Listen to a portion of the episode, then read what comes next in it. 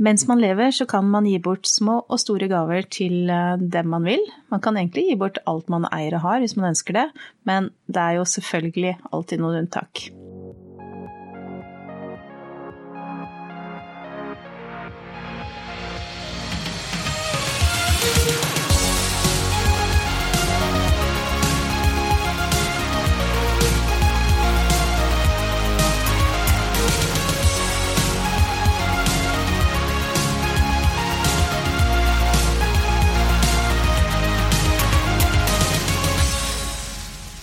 Velkommen til Tennenkast, en podkast som tar for seg ulike temaer innenfor familie og um, arverett. Med oss i studio er som vanlig advokat Kristen Nagerup. Hei. Advokat Hanne Skram Espeland. Hei, hei. Og meg selv, advokat Lene Marie Aas Torstensen. Vi jobber i Tenn advokatfirma og har bred erfaring innen familie og arverett. Og dagens tema, det er, eh, som man kanskje har forstått, det er jo gaver og forskudd på arv. Innledningsvis så nevnte jo det at uh, man egentlig kan gi bort alt man eier og har så lenge man lever. Ja, og fortsatt innledningsvis så er det jo greit å presisere at uh, det er ikke noe krav om at man må likebehandle barna sine uh, når man skal gi gaver. Så lenge man lever, så kan man gi forskjellig til barna. Det er det veldig mange som misforstår eller tror man ikke kan. Det er ikke sikkert alle blir like fornøyd med det, alle barna. Men man kan jo ha ulike behov, da. Og sånn sett kanskje ha en forståelse av at uh, storebror trenger litt mer nå. At uh, kanskje alle syns det er hyggelig. Ja, og det kan være stor forskjell på barna. Den ene kan være vel off økonomisk, og den andre kanskje sliter fælt. Og da er det ikke nødvendigvis unaturlig å velge en sånn løsning. Det kan faktisk være en ganske fornuftig løsning også. Og så er det jo noe med det at eh, det man eier og har, det rår man jo i utgangspunktet fritt over. Eh, og i det så ligger det at man kan faktisk ta disse valgene selv. Men vi nevner jo det at det er i levende live. Og da er det jo naturlig å gå inn på det som vi kaller livs- og dødsdisposisjoner. Ja, og det er jo et juridisk eh, begrep som har kommet opp. For det, det er jo klart som Kristin sier, at uh, mens man lever, kan man gjøre som man vil. Og, og ved dødsfall så er man jo bundet av arvelovens regler om fordeling. Og de reglene har vi snakket om i tidligere podkastepisoder om, om henholdsvis barna og ektefellens arverett og familiens arverett. Men så har vi en situasjon som er midt imellom, som reguleres av reglene om livs- og dødsdisposisjoner, og det er jo hvis man er eh, Det er rett før man dør, da, og man kanskje er så syk at man vet at man har en, en uke igjen å leve. Uh, og da er problemstillingen kan man da gi bort alt man eier til, til ett barn, fordi at man fortsatt lever. Og der er det jo noen regler som regulerer det, og da er det jo slik at hvis, man, hvis, man, vet at man skal dø, så anses slike disposisjoner som er gjort rett før man dør, å være en, en dødsdisposisjon. Da. Det betyr at man er bundet av arvelovens regler om arvefordeling. For det er jo en disposisjon som på en måte vil få virkning etter døden, da. Det er jo ikke en uh, disposisjon mm, som vil få virkning det, for en mens man lever. Det er det som er sentralt. ikke sant at Det som skal skje etter man er død, det må man uh, opprette testament for å regulere. Uh, I motsetning til det som er mens man lever, så, så gjør man det fritt. Ja. Det er vel det man kaller med døden for øye, en gave med døden for øye. Men det man skal være veldig bevisst på, da, det er jo det at um, det må være en uh, realitet i gaven uh, når man gir den. Altså realiteten, gaven må inntre, og det må skje uh, en endring i, i um, Hva skal jeg si, hvis man f.eks. ønsker å gi bort um, en bobil da, til en av barna sine, så kan man ikke bare gjøre det ved å gjøre det i navnet og på papiret. Det må også skje reelt. Det må være da denne, dette barnet som bruker bobilen og betaler for forsikring og, og alt som har med, med, bobilen å gjøre. Det må få virkning mens man lever, og, og grunnen til det er selvfølgelig at uh, hvis ikke så vil det blitt lett å omgå reglene i arveloven. Uh, Pliktdelsreglene i arveloven. Med sånne proforma overdragelser og sånn, da. Men det er jo da ikke greit. Så det betyr jo egentlig i realiteten at man kan gi bort en gave mange, mange år før man dør, men gaven får ikke en virkning før, eller får ikke noe realitet før man dør, og da er man over i en dødsdisposisjon. Nå er vi inne på et tema som egentlig er eh, veldig omdiskutert i eh, både teorien og i, i rettspraksis, og det er mange eh, dommer som tar for seg akkurat dette her med livs- og dødsdisposisjoner. Jeg tenker på det som du sa i sted, Hanne, det med å gi gave rett før man dør. Det er jo et veldig sånn unyansert bilde av det også. Eh, så jeg tror ikke vi skal gå noe nærmere inn på det, annet enn at hvis man ønsker å være trygg på det, at det er en livsdisposisjon, så må man være bevisst, som vi ofte pleier å si, på at man påser at denne gaven gis og får en realitet i levende livet, og at man har de rette dokumentene som kan underbygge dette. Vi snakker om gaver. Der er det jo noen som gir gaver, ønsker jo at dette også skal være forskudd på arv. Kan du skal si litt mer om uh, nyanseringen på hva som er gave og hva som er forskudd på arv? Når man skal gi en gave til barna sine eh, eller, eller, andre arvinger, så kan det være lurt å være litt bevisst på om man kaller det for en gave eller et eh, arveforskudd eller forskudd på arv. En gave eh, gis jo gjerne uten spesielle vilkår, selv om det også kan være vilkår. Men hvis man kaller det et arveforskudd, så ligger det gjerne en forventning om at det skal foretas et, eh, en avregning ved det endelige arveoppgjøret. Som at hvis man f.eks. gir 100 000 kroner til et av barna som arveforskudd, så skal de 100 000 hensyntas i det endelige arveoppgjøret, sånn at eh, de andre barna får tilsvarende før man eventuelt deler likt. Da. Det bør fremgå et sted gjerne i et gavebrev eller et dokument som sier om det er det ene eller det andre. For der ser jo vi eh, i det praktiske liv i forbindelse med dødsspor at eh, det ofte dukker opp spørsmål om eh, det er verdt en gave, altså en gave som er gitt og som ikke skal få noen form for betydning ved det endelige arveoppgjøret, eller om det er forskudd på arv, da, sånn som Kristen nevner. Og typisk hvis det bare er et bankbilag som viser at det har skjedd en overføring av 100 000 fra far til sønn, så blir det jo spørsmål og diskusjoner ofte i ettertid om ja, var det et lån, var det en gave, eller var det forskudd på arv? Det er jo egentlig veldig enkelt å rydde den uklarheten av veien da, ved å som du sier, lage et gavebrev og kanskje til og med lage et testament hvor man har presisert hva man har gitt av gaver, da, og hvordan det skal hensyntas. Og Utfordringen ofte er jo det at sant, hvis man skal sikre en sånn 100% likhet mellom barna, så må man jo egentlig gi samme verdier til samme tid. For det er jo vanskelig å sikre en sånn full likhet når det går mange år imellom, da. Men man kan jo avhjelpe den ulikheten ved å f.eks.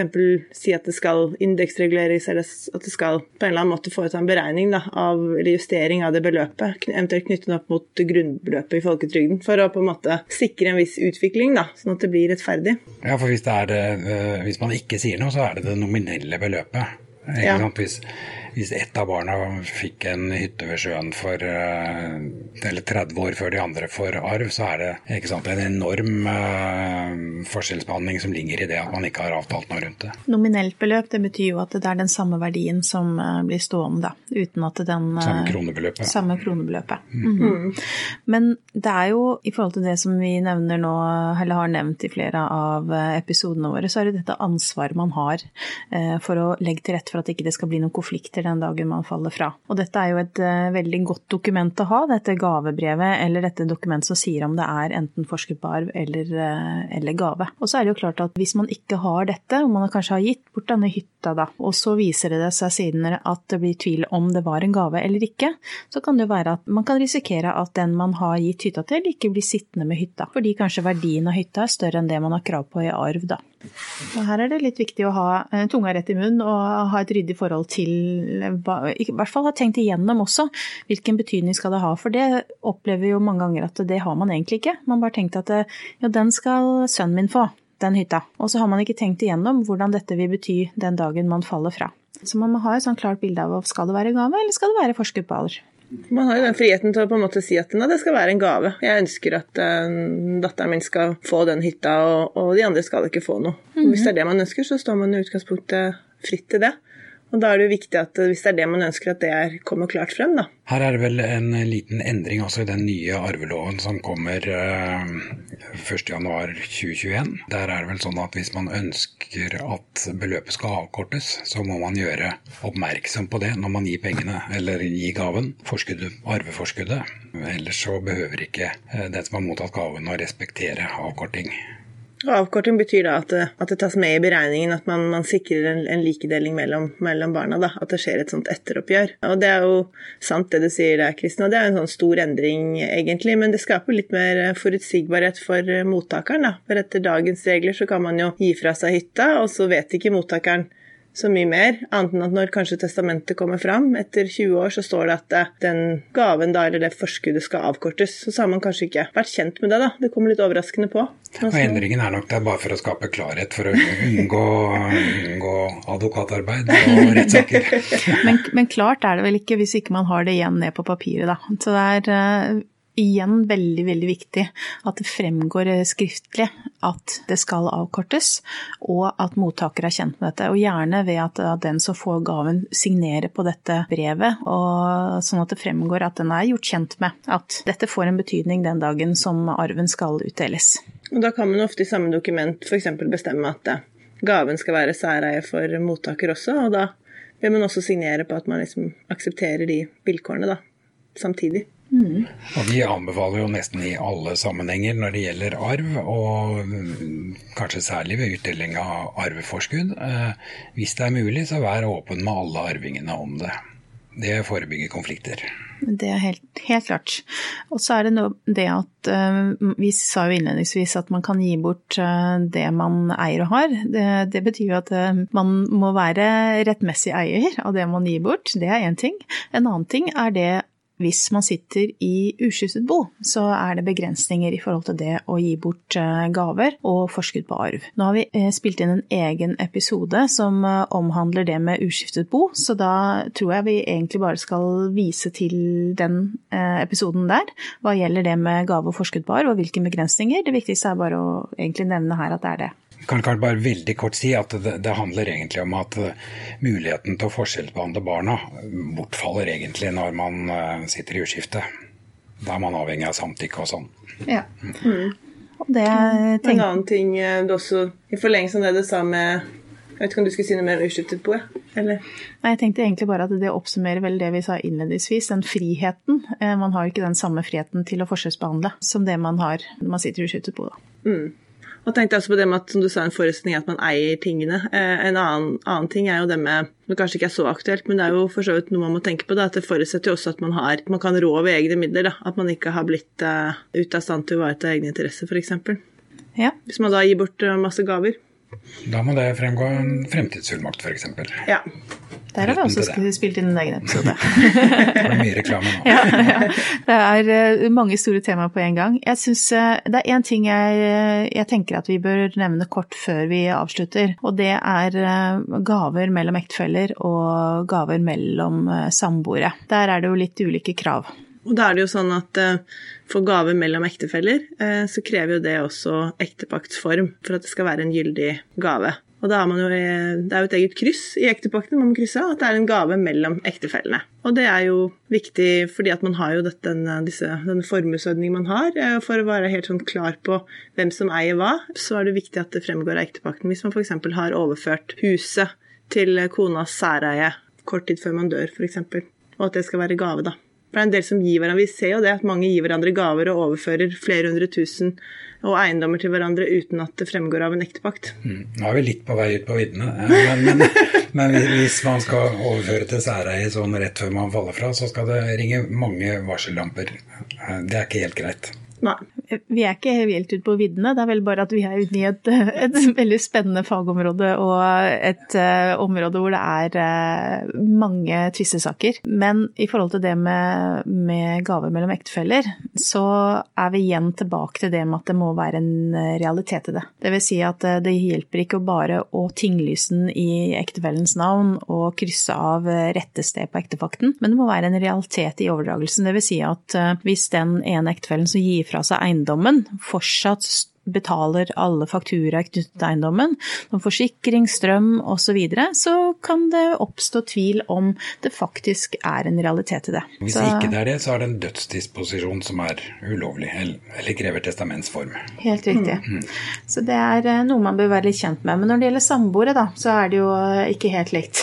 Det er jo ikke samme krav eh, for samboere, at, at, det kreves skriftlighet og, og, at det lages avtaler rundt det, men vi anbefaler selvfølgelig det. Hvis man vil gi samboeren sin en, en, gave, at man lager et eh, gavebrev, og at man samtidig kanskje lager en samboeravtale hvis man ikke har det, da. Hvor det fremgår hva som har vært gitt i, i gave. For uh, sånt er helt klart for alle uh, at det er gitt en gave. Vi har snakket om tidligere også, så er det sånn at det, det kan være klart for samboerne hvem som eier hva, og om man har fått noen gaver dem imellom. Men for, uh, for, familien rundt og barna så er det ikke like selvsagt, og da er det mye lettere for alle om det er skriftlighet rundt det. Så sånn kort oppsummert, da. I levende livet så kan man eh, i utgangspunktet gi det man ønsker å gi. Det viktigste er at eh, man skriver ned et sted. Man har et gavedokument eller et dokument som sier om det er enten en gave eller forskudd på arv, om det f.eks. skal være særeie, og hvilken betydning det da skal eller ikke skal få ved et eh, endelig arveoppgjør. Tenker dere det er noe vi trenger å nevne? Dette er et stort en, ett moment til som er veldig viktig. Ja. Det er jo det hvis man, hvis man gir f.eks.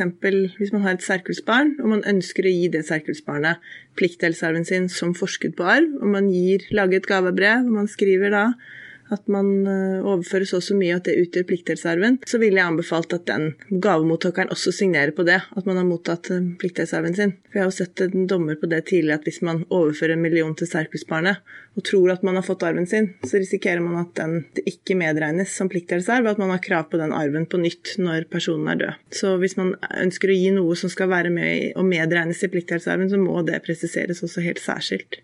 Da syns jeg egentlig vi igjen skal vise til noen av de episodene episodene var spilt inn i forhold til um, ektefelle, hvem arve hva, og samboere, hvem arve hva.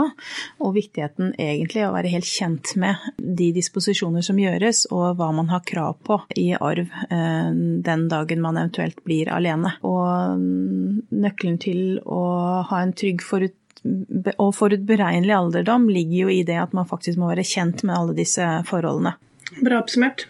Ja. Takk for i dag. Takk for i dag. Takk for i dag.